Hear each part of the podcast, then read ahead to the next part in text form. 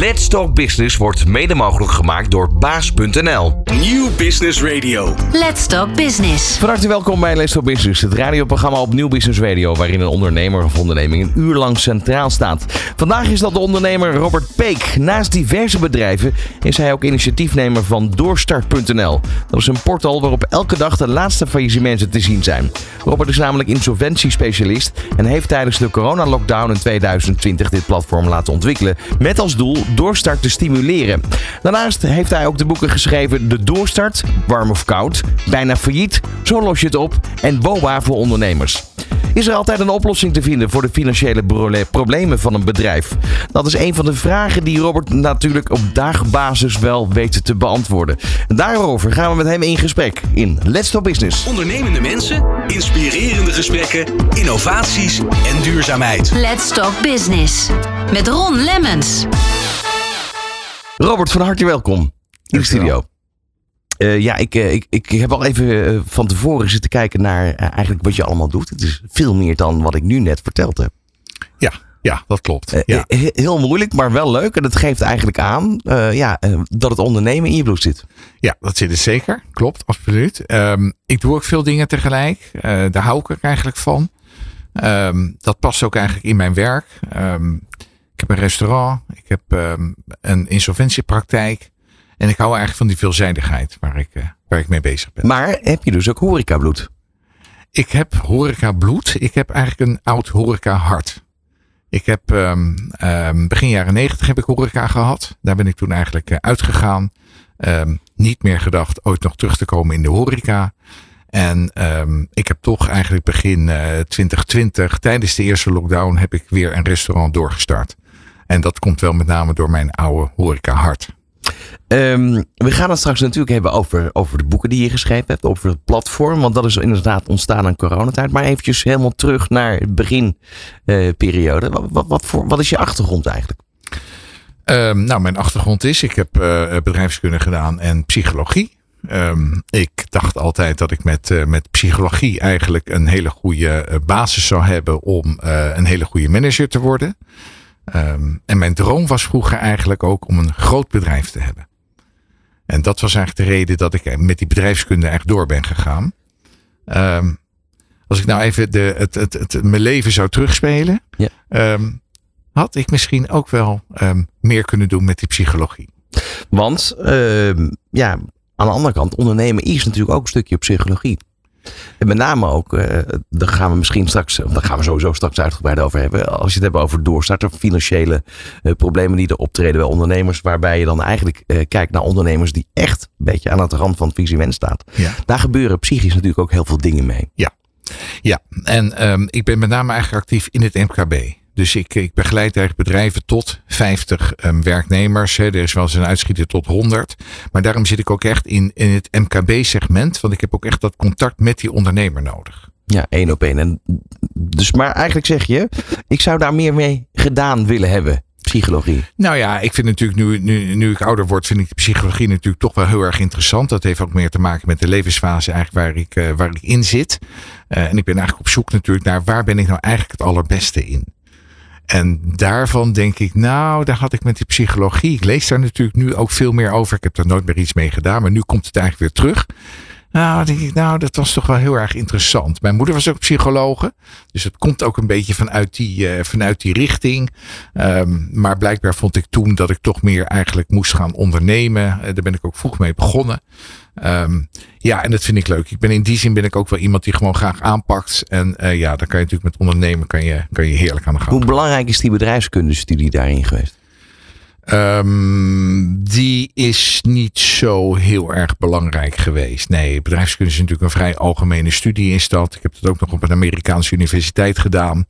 Ehm, dus ja, dat, dat, dat heeft me eigenlijk een, een, een basis gegeven. Ehm, het is zelfs anders gelopen. Ik ben toen ik eh, studeerde, ben ik eigenlijk mijn eerste groothandel begonnen. En heb ik mijn studie een tijdje stopgezet. En die groothandel die is prima gelopen. En die heb ik zelfs Is dat toch een beetje het ondernemersinstinct wat, wat eigenlijk daarbij de overhand heeft? Ja, ja, ja. Ik vind dat gewoon leuk. Ik hou ook van het opstarten van, eh, van, eh, van bedrijven. Hè. Start-up vind ik, wat dat betreft, vind ik geweldig. Ehm, dus, dus ja, op die manier. Ja, en je zei groothandel, daar heb ik natuurlijk ook naar gekeken. Een groothandel in horloges. Ja, in horloges. Ja, dat was, eh, dat was, eh, dat was geweldig. Dat was echt nog in de tijd. Um, nee, dan heb ik het dus nu over um, uh, jaren negentig. Uh, ik ben er toen mee begonnen in, uh, in 96. Dat was een tijd. een fax was eigenlijk een heel ding. Uh, China was heel ver weg en we importeerden horloges vanuit China.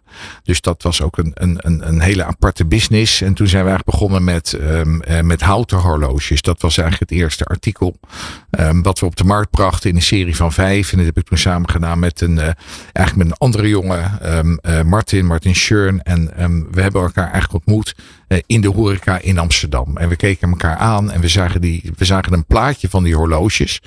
En toen keken we elkaar aan en toen dachten we, hey, moeten we dit niet gaan doen? Dus hij was ook zeer ondernemend en zo zijn we eigenlijk gewoon begonnen. Ja, dan spring je in het diepe en dan blijkt het uiteindelijk ook een succes te hebben. Want je hebt er twee gehad uiteindelijk in groothandels. Ja, ik heb de eerste groothandel heb ik uh, eigenlijk weer ingebracht in een, uh, in een tweede groothandel. En, en daar zijn we op een gegeven moment keihard mee gegroeid. Um, natuurlijk ook door hard werken, maar ook omdat we uh, op het juiste moment eigenlijk een nieuw horloge introduceerden. En dat was in die tijd was dat een groot dameshorloge. En uh, dat is toen enorm gaan vliegen. Dus daar hadden we gewoon ja, de wind in de rug. Maar als ik nu hoor de wind in de rug. Um, ik denk dat elk ondernemer ook uh, om zal moeten gaan met tegenslagen. Waardoor je eigenlijk ook beter gaat ondernemen. Wat waren de voorbeelden in jouw tijd destijds? De tegenslagen. Uh, nou, dan vraag je wat. Um, ja, die tegenslag. Ik heb toen die, die, die tweede horloge groothandel, die heb ik ingebracht dus. Um, daar zaten wat familiebanden in, um, maar daar waren we op een gegeven moment met vier aandeelhouders. Um, en mijn vrouw, nog steeds mijn huidige vrouw Marjolein, uh, die werkte daar ook heel hard in. En we hebben eigenlijk met z'n tweeën hebben die zaak um, groot gemaakt. Daar hebben we toen op een gegeven moment hebben we oneenigheid gekregen met die andere aandeelhouders, omdat zij vonden dat Marjolein een te grote positie had. En dat heeft er op een gegeven moment toe geleid dat ik op non-actief ben gesteld.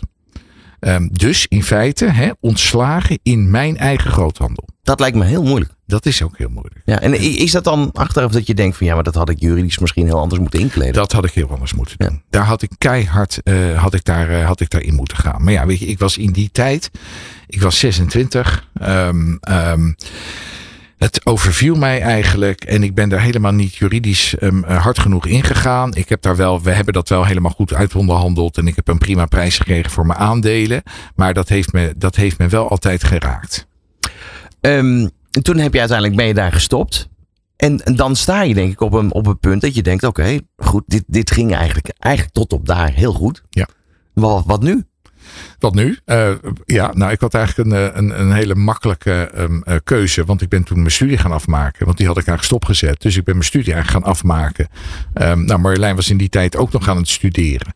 En uh, ik heb die studie dus afgerond. En ik ben direct daarna ben ik eigenlijk een, een, een, een, een, um, een kleine keten wilde ik opzetten van uh, afhaal- en bezorgrestaurants. En daar ben ik direct mee begonnen. En dat was leuk, want um, al mijn andere collega-studenten die gingen werken bij Shell. En die wilden natuurlijk allemaal in een managementpositie komen. En ik begon eigenlijk weer als kleine ondernemer in een start-up om te kijken of ik iets van de grond kon krijgen. Maar goed, dan heb je, dan heb je enerzijds heb je dan de wens aan, de droom als ondernemer om zoiets te starten. Anderzijds heb je dan toch wel bedrijfskundige inzichten. Heb je wellicht wat research gedaan om te kijken of dat daadwerkelijk ook uh, kansen waren in de markt, toch? Ja, nou die, die, die, die kansen zag ik eigenlijk zelf. Hè. Dat, dat, ik zag natuurlijk dat die, um, dat die bezorgmarkt eigenlijk steeds uh, groter werd. Hè. En dat die, dat, die, dat die in feite opkwam.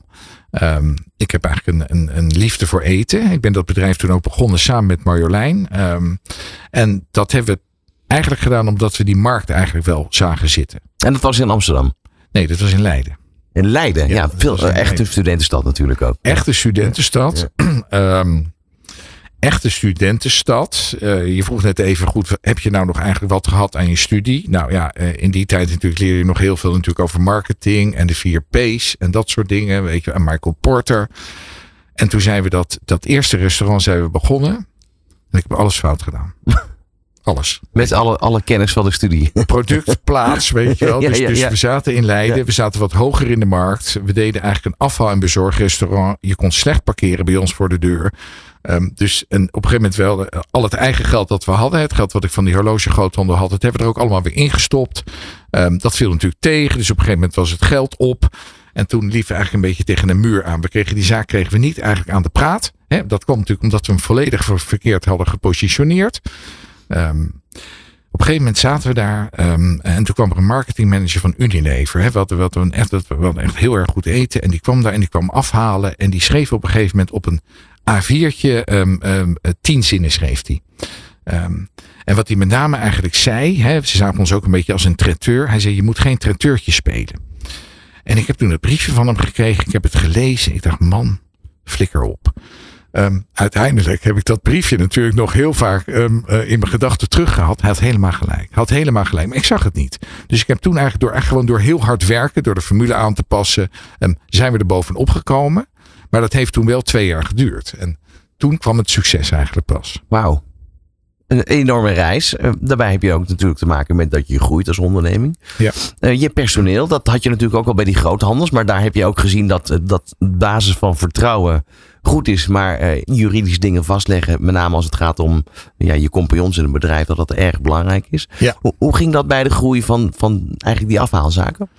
Bezorgen. Eh, die afvalzaken, ja, dat heette, dat heette Homemade. Ehm, daar zo werkten we natuurlijk ook heel veel met, met, met jonge mensen. Dat is natuurlijk een beetje inherent. Hè? Dat was natuurlijk eigenlijk een horecazaak. Korte contracten waarschijnlijk ook. korte contracten, maar ook eigenlijk heel veel aandacht eigenlijk aan de mensen besteden. Dat, dat, dat was daar was dat in feite belangrijker dan daar een heel juridisch eh, verhaal van te maken om die arbeidscontracten maar zo goed mogelijk dichtgetimmerd te hebben. Nee, dat niet. En Marjolein was eerst partner, maar ook je vrouw. Ja, de grote liefde van mijn leven. Ehm, nou ja, als ik het dan weer heb over die tegenslag die ik natuurlijk heb gehad met die, met die horloges. Daar is natuurlijk ook op een gegeven moment een keuze geweest. ehm, ehm, of het gevolg is daarvan geweest dat Marjolein en ik natuurlijk nog steeds, eh, steeds hechter zijn geworden. en altijd samen zijn gebleven. Dus dat heeft uiteindelijk heeft dat wel een hele positieve invloed gehad op mijn leven. Ik zei je eerder, ik wilde altijd hè, vroeger dan een groot bedrijf. Ehm, toen we die ehm ehm, homemade, die, ehm hè, die traiteurs, cateringzaken verkocht hebben, zijn we naar eh, Amerika gegaan. Eh, anderhalve maand gewoon, omdat we jarenlang geen vakantie hadden gehad. We hadden die zaak goed verkocht. Toen kwamen we terug. Toen zouden we weer teruggaan naar Amerika. En toen eigenlijk bleek dat Marjolein zwanger was. Het gekke was, we hadden helemaal geen kinderwens. Dus het overviel ons. En Want je was altijd bezig geweest met ondernemen. Met überhaupt ondernemen. dan over kinderwens gesproken. Zo'n bedrijf opzetten waar je eigenlijk bloed, zweet en tranen ingestopt hebt. Wat, wat eigenlijk met ups en downs uiteindelijk gegroeid is tot iets moois wat je hebt kunnen eh, verkopen. Wat was het moment om dat besluiten van oké, we gaan er nu mee stoppen. Het is mooi geweest. Het lijkt me best moeilijk omdat je namelijk, je hebt iets opgezet wat ook wel voelt als een kindje. Is de, is de cirkel weer rond. Ja, dat is waar, klopt. Ja, het, het stond op een gegeven moment, het draaide goed. Ehm, wij wilden eigenlijk niet door eigenlijk in dat, in dat, in dat loodzware horeca leven. Dat, eh, dat, eh, dat was toch altijd laat. Ehm, ehm, eh, we woonden toen nog eigenlijk in Amsterdam, dus dat was een heleboel heen en weer rijden. En toen hebben we er eigenlijk naartoe gewerkt om het bedrijf gewoon goed neer te zetten. En op dat moment te zeggen, nou, nu zetten we het in de verkoop en nemen we afscheid ervan.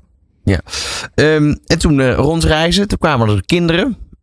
Nou ja, er kwam natuurlijk één kind. Toen hebben we eigenlijk... Ja, de- er kwamen er later meer natuurlijk. ja, nou ja, we precies, zijn begonnen met één en uiteindelijk natuurlijk hebben we nu vier kinderen. En dat vind ik heel erg mooi in mijn leven. Want ik heb geen groot bedrijf, maar ik heb een groot gezin.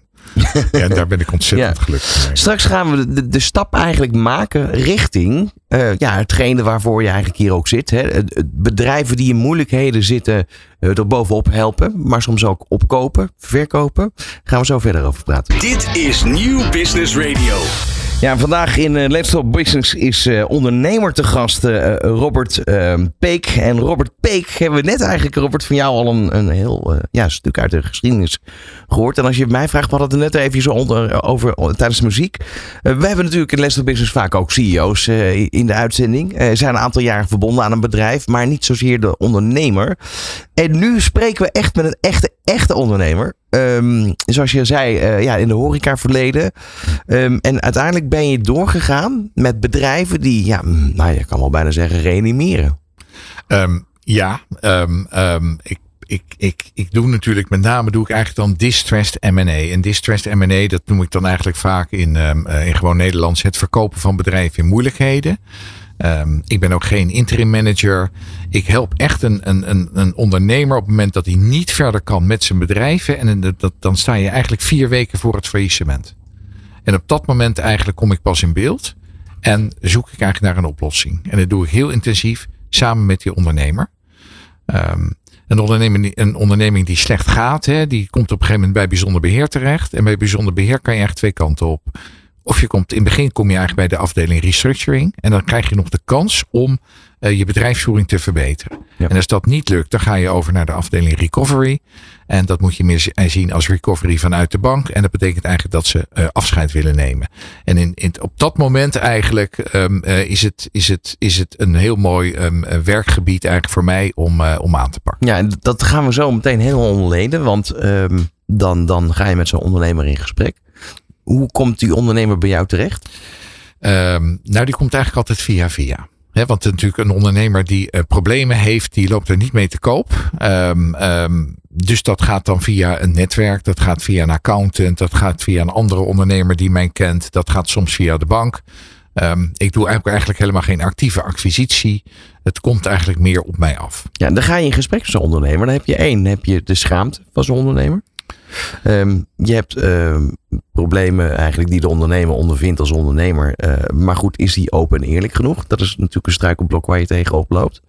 Welke valkuilen kun je nog meer noemen? Want ja, je moet zo iemand gaan vertrouwen, maar ergens gaat er iets niet goed in het bedrijf. En is men open genoeg? Hoe toets je dat? Um, het is, nou, ik heb natuurlijk enige ervaring, hè, dus ik, um, ik kom er wel een beetje achter eigenlijk hoe het verhaal in elkaar zit. Um, ik lees natuurlijk cijfers. Kijk, die open en eerlijkheid van die ondernemer, dat is eigenlijk meer naar hemzelf toe of naar haarzelf toe. Dat, dat, daar gaat het mij meer om in feite. Kom je er nou zelf eigenlijk achter waar de problemen van je bedrijf liggen? Dat, dat is eigenlijk een hele belangrijke. En dat heeft toch natuurlijk eigenlijk inzicht heeft dat nodig vanuit die ondernemer. En ik help eigenlijk die ondernemer om weer lucht te zien, licht te zien eigenlijk aan het einde van de tunnel. Um, en dat, dat, dat gebeurt heel vaak. Maar wat nu als een ondernemer bijvoorbeeld te lang doorgegaan is in een segment die eigenlijk, ja, nou we hadden het net over de faxen kan me voorstellen dat daar nou nu geen droog brood meer in te verdienen is. Maar als je jarenlang daar een succesvol bedrijf in gehad hebt. En eh, niet hebt willen inzien dat het einde nabij is. Dan lijkt me dat best wel moeilijk. Ja, klopt. Nou ja, dan, dan past natuurlijk op een gegeven moment past je businessmodel past niet Precies. meer. Um, en, en dat is natuurlijk eigenlijk wel het, het eerste criterium. Heeft jouw business eigenlijk nog wel toekomst? En daar hangt het natuurlijk heel erg vanaf welke kant we wat dat betreft opgaan. Nou kom ik niet zozeer met, met, met ondernemers um, in aanraking die op een soort doodlopend spoor met hun business zitten. Het is eigenlijk vaak dat, er een, een, dat het een opeenstapeling is van eigenlijk problemen uit het verleden. Waar niet vroegtijdig mee aan de gang gegaan is. En wat een ondernemer natuurlijk doet, hè, als ondernemer, je houdt altijd hoop. Dat is eigenlijk je, ook je sterkste punt als ondernemer. Opportunist eigenlijk. Opportunist. je bent hoopvol, dus je ja. denkt, het komt wel goed. Nou ja, en dan is natuurlijk de kunst om, om op een gegeven moment dat momentum eigenlijk um, te vinden. Waarvan je denkt, hé, hey, maar nu gaat het niet meer. En wat zie je vaak in de praktijk? Dat de bank eigenlijk degene is die dat moment op een gegeven moment gaat aangeven. Dat vindt een ondernemer vaak niet fijn, want die denkt, ja, die bank gaat mij nu beperken. Het is de schuld van de bank. Is natuurlijk nooit de schuld van de bank. Dat geeft wel die ondernemer vaak net even dat inzicht. Dat duwtje van ja, maar wacht even, nu moet je wat gaan doen. Laat staan dat, dat, dat de bank zegt, we willen stoppen met je. Nou ja, dan sta je natuurlijk als ondernemer wel op tilt. Um, en word je ook soms wakker geschud. Ja, want dan, dan kom je uiteindelijk, ga je in gesprek met die ondernemer. Um, ja, je hebt daar natuurlijk verschillende type ondernemers in. Mensen met veel trots. Eh, waarvan je eigenlijk daar doorheen moet dringen van nou, kom nou eens, uh, word eens wakker. Ja. Als het ware toch? Ja. Wat, wat, wat, zie je het meeste voorkomen eigenlijk? Um, nou ja, uh, word nou eens wakker. Ik, ik, ik praat natuurlijk heel intensief met een ondernemer. Ja. Um, um, dat zijn ook wel gesprekken waarin ik wel de leiding neem, omdat ik eigenlijk wel weet waar de oplossingen dan uh, liggen. En het is eigenlijk meer aan de ondernemer om ja, meer inzicht te krijgen in zijn eigen situatie. Um, wat ik natuurlijk ook doe, hè, en dat noem ik dan ook eigenlijk in mijn praktijk, noem ik dat de mindflip. Um, ik help die ondernemer eigenlijk ook om anders um, aan te kijken tegen de schulden die die heeft. Want een groot deel eigenlijk van mijn werken, ik help natuurlijk bedrijven die bijna failliet gaan. En wanneer ga je nou bijna failliet? Je gaat bijna failliet als je je schulden niet meer kan betalen. En dat impliceert eigenlijk dus dat jouw schulden groter zijn dan je bezittingen. En als je schulden groter zijn dan je bezittingen, dan ben je eigenlijk technisch failliet. Nou zijn er tienduizenden ondernemingen die technisch failliet zijn en toch gewoon door um, um, um, blijven bestaan. Wanneer kan dat? Dat kan eigenlijk als je toch nog gewoon een goed bedrijfsresultaat draait. Hè, en dan helemaal specifiek dat je een positieve cashflow hebt. Ja, precies. En die twee dingen, die moeten eigenlijk in evenwicht zijn.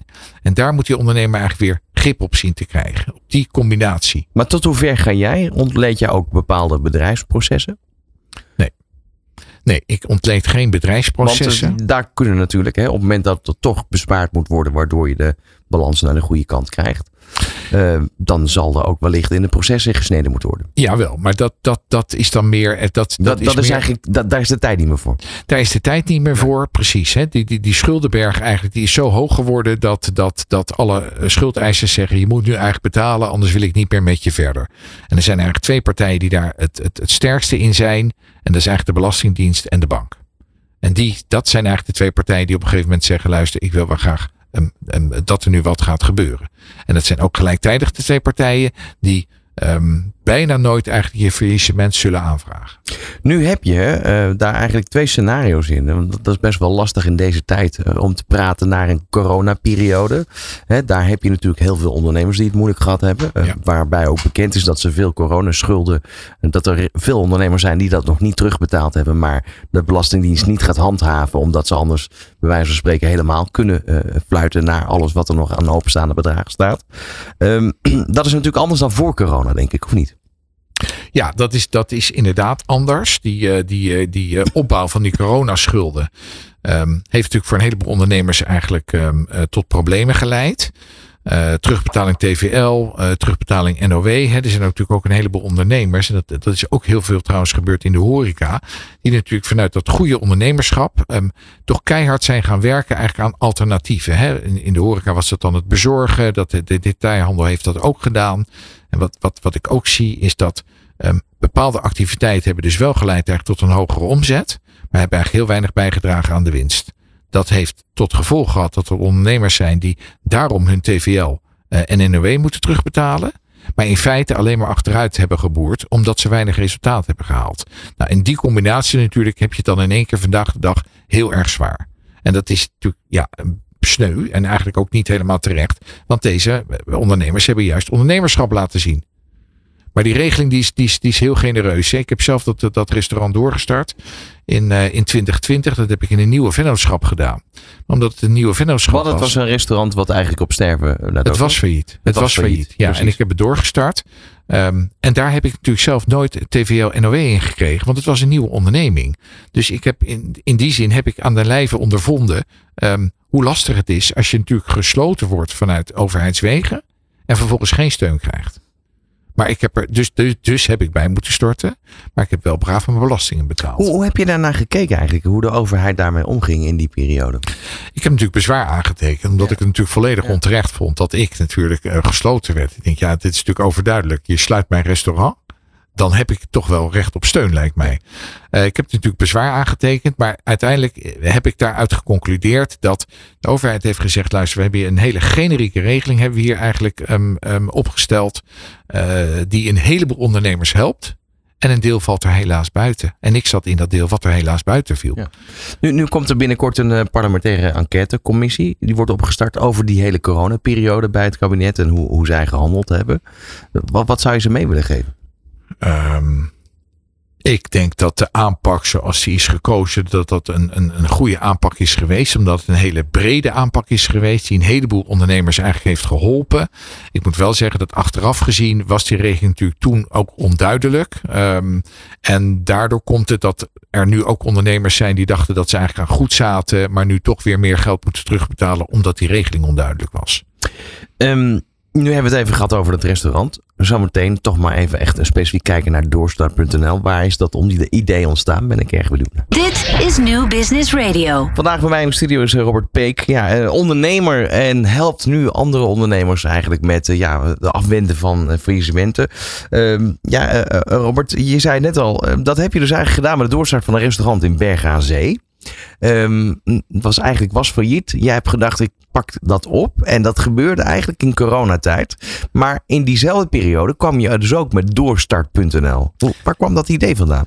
Ik, ehm, ik, ik doe natuurlijk al heel lang slechtlopende bedrijven. De economie daarvoor was eigenlijk goed. Hè. Toen kwam corona. Ik dacht, ja, nu, nu gaat het allemaal heel erg slecht. Hè. Het was in het begin natuurlijk nog helemaal niet bekend dat er allerlei van die um, steunmaatregelen zouden komen.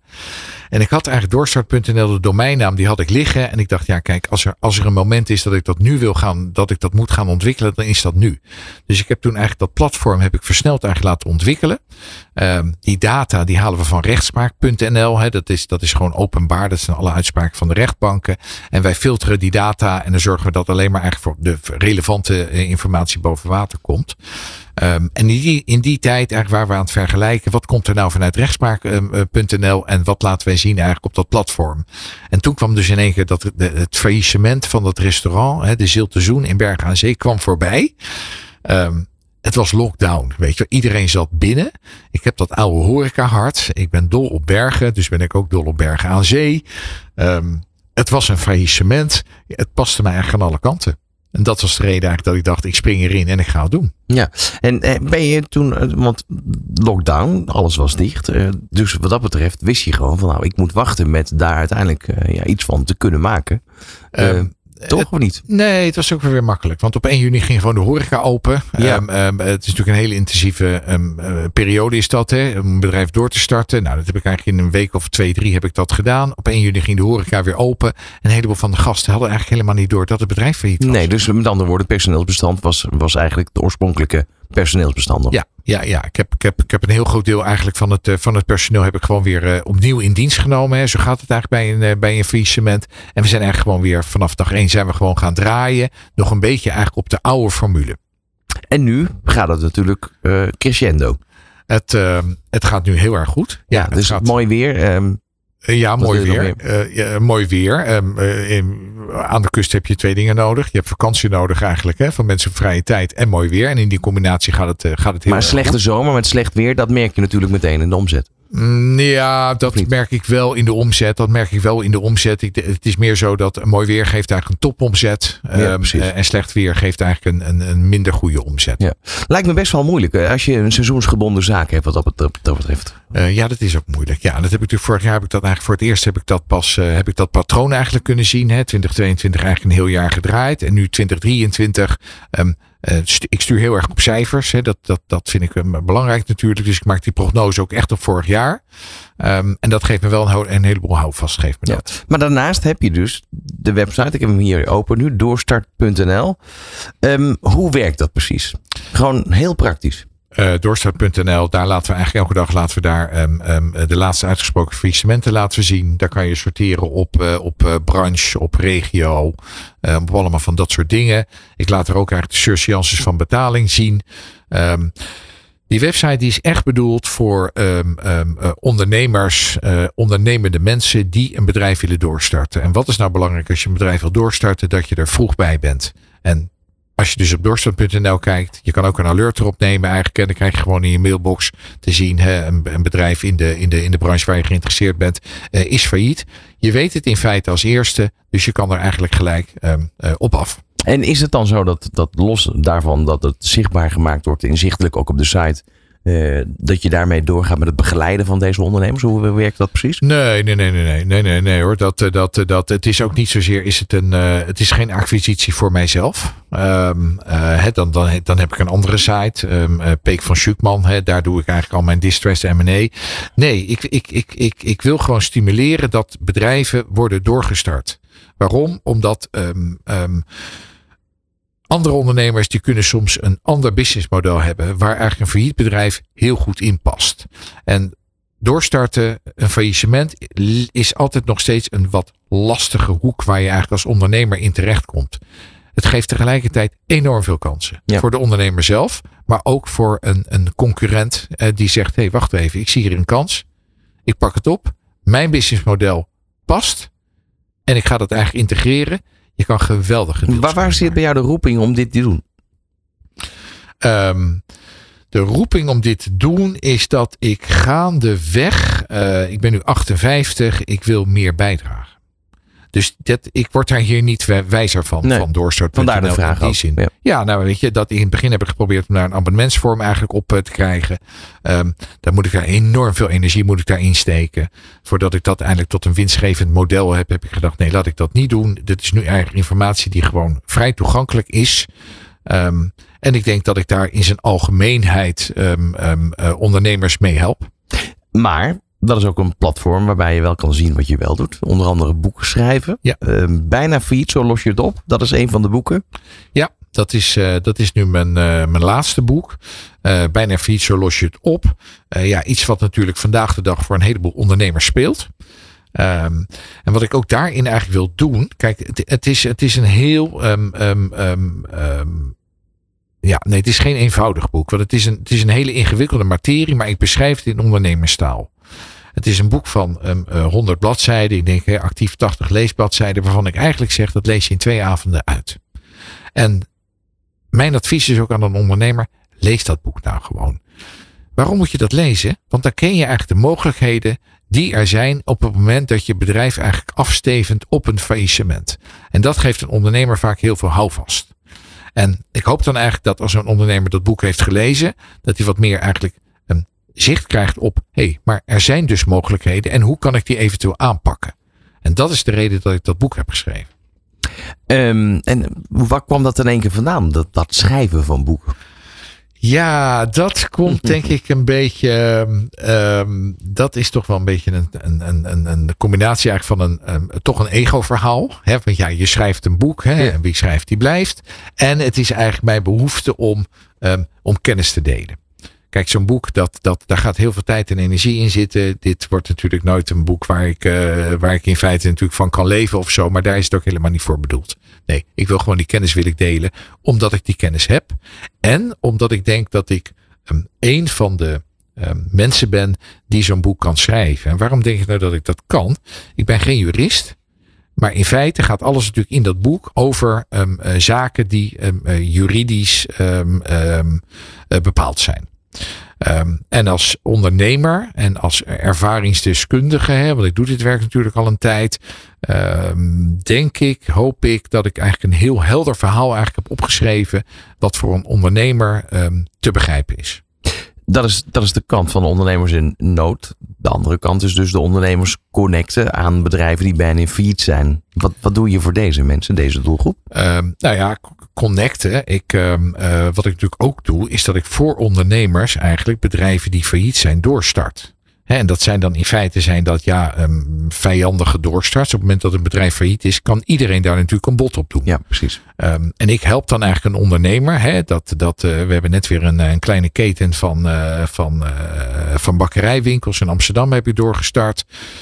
Um, voor een ondernemer actief eigenlijk in, um, in vergelijkbare winkels. Ik heb natuurlijk een bepaalde methodiek. Uh, die hebben we daarop toegepast. Ik heb hem in mijn netwerk. Dus we kunnen het heel kan je snel... iets zeggen over die methodiek? Um, ja, nou ja, kijk. Ik, um, um, uh, ten eerste gaat het natuurlijk bij een doorstart gaat het erom dat, dat, dat je krijgt te maken met een curator.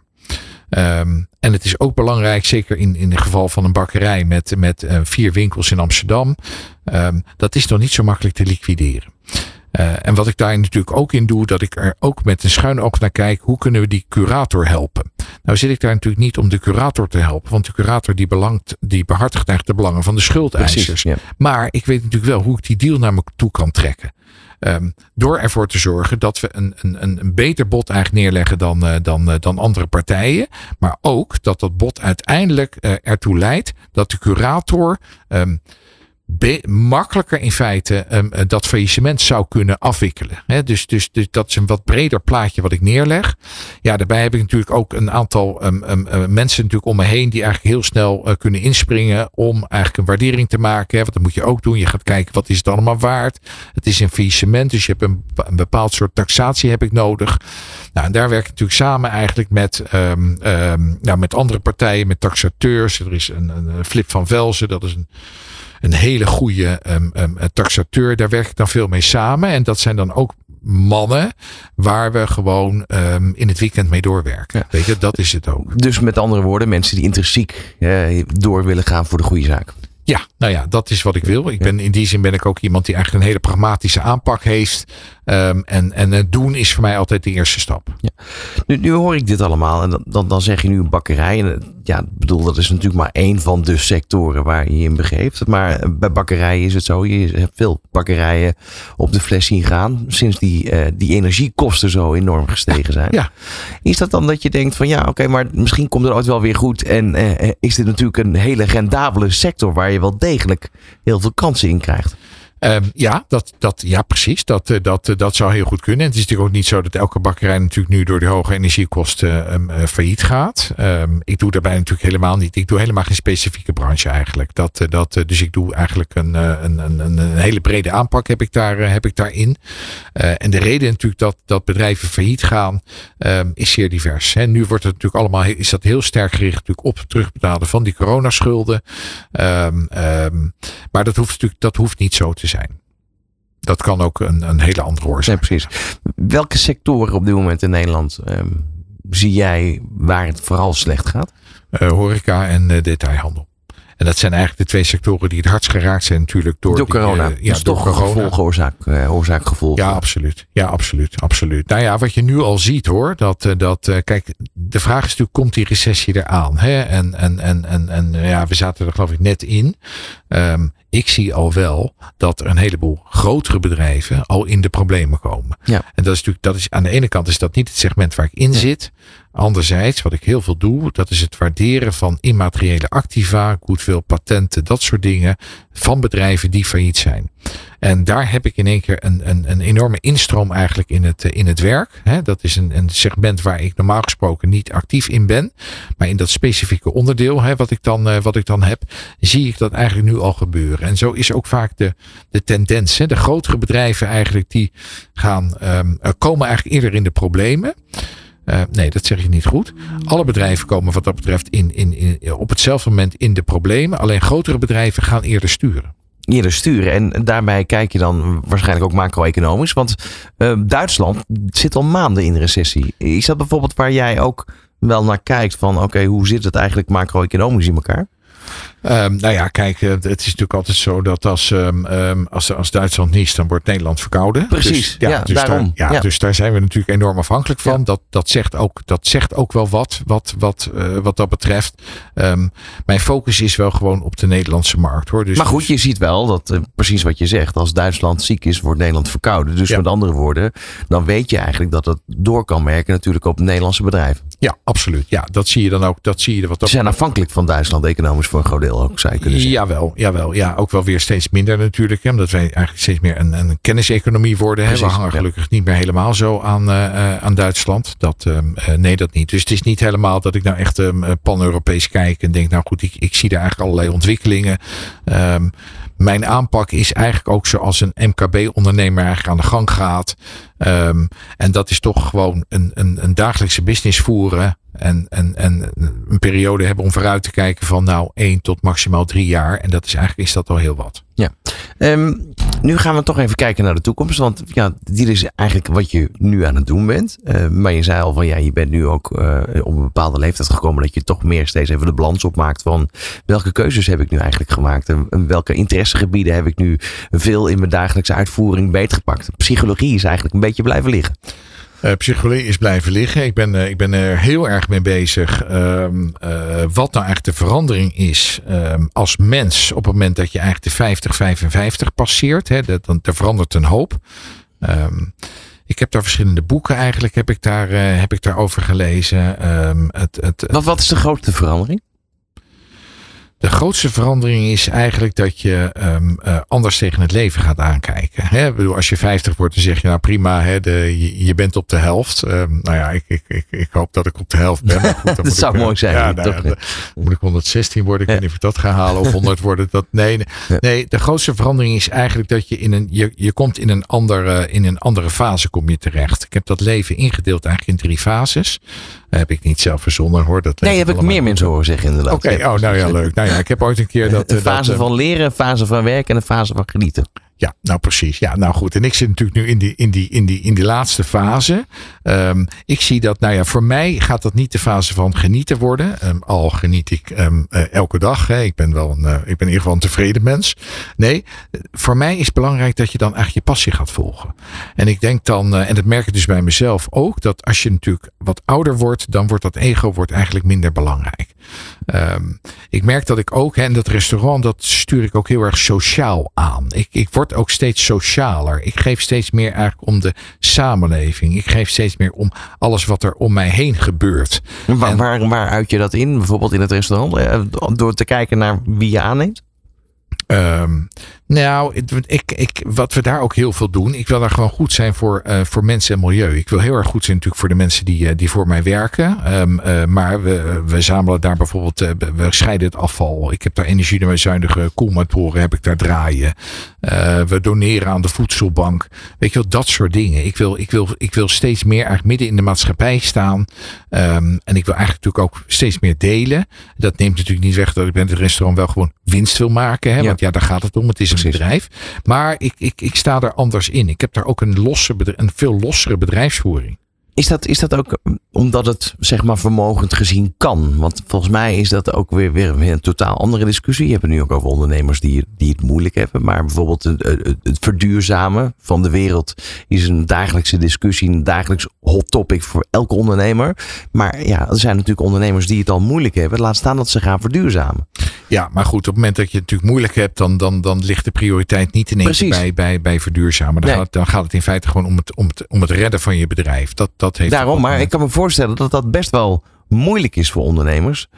Om alsnog, die roep wordt dan maar harder en harder en harder om daaraan te voldoen. Als je al niet eens een gezonde financiële bedrijfsvoering hebt. Ja, klopt. Ja, dat, dat, die twee dingen, die, nou ja, die, die, die, die horen natuurlijk bij elkaar. Hè. Um, uh, ondernemer hoort, hoort erbij, verduurzamen hoort er ook bij. Um, um, uh, aandacht voor mensen en milieu hoort er natuurlijk in feite ook bij. Hè. Dat hoort, vind ik eigenlijk bij elk bedrijf.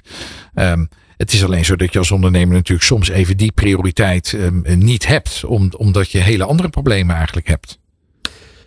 Zijn er nog, want er zijn een aantal boeken die je geschreven hebt. Ik bedoel, we kunnen ze hier niet allemaal uh, bespreken. Maar zijn er nog, nog, is er nog een ander boek waarvan je zegt van nou, daar wil ik het toch nog wel even kort over hebben? Um, nou ja, dat, dat is leuk dat je dat vraagt. Dat is eigenlijk mijn volgende boek.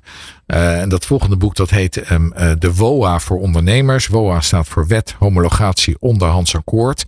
Dat is een nieuwe wet die is geïntroduceerd. Die is helemaal bedoeld ervoor eigenlijk om ondernemers meer uh, handvatten te geven eigenlijk om zelf een reorganisatie door te voeren. Het is een, uh, het is een vrij complexe wet. Um, ik heb er dus nu ook nog een, hè, dat is dan mijn derde boek. Dat komt ongeveer om anderhalf, twee weken komt dat uit. En ook dat heb ik weer helemaal geschreven voor ondernemers. Lees het dus door. Um, krijg enig gevoel bij de mogelijkheden van die wet. Um, en, en, en hoop daarbij dan eigenlijk weer via dat boek een, een, een, een richting te kunnen kiezen om tot een oplossing te komen. Is het een zinvolle wet? Want anders schrijven we natuurlijk enorm, geen boek over. Enorm. Ja. Het is een geweldige wet. Het is een ongelooflijke wet. Ja. Dat als je dat leest, wat er allemaal met die nieuwe wet in feite uh, kan. Um, dat is een wet die nagenoeg elke onderneming eigenlijk zou moeten kunnen helpen om er weer bovenop te komen. Ja los van dat je nog actief bent in, in de horeca, uh, boeken schrijft, met doorstart uh, nog wel steeds doorgaat ook. Uh, waar zit straks nog de grootste trigger over de, de, het werkzame leven, laat ik het zo zeggen? Is er nog um, iets waarvan je zegt van dat, dat moet ik en wil ik nog een keer gaan doen? ja. Um, um, nou, hier in de uitzending zijn is er, is er één van. Ik wil heel graag in feite mijn verhaal vertellen. En ik vind het ook heel erg fijn om op een podium te staan. En um, ik denk ook dat dat eigenlijk mijn, mijn, mijn passie is. Dus als je nou zegt, wat zou je nog willen doen? Dan zou ik zeggen, nou, daar zou ik nog wel wat verder willen komen. Nou, dan wens ik je heel veel succes bij. Dankjewel dat je hier in de, in de studio was. Robert Peek. Um, nou, je boeken zijn natuurlijk uh, ook te vinden via... Via managementboek.com, Bruna um, en in de boekhandel. Dus ja. Dankjewel. Tot zover deze aflevering van Let's Stop Business. Wil je deze aflevering naluisteren? Kan dat natuurlijk via nieuwbusinessradio.nl. Van hippe start-up tot ijzersterke multinational. Iedereen praat mee op Nieuw Business Radio.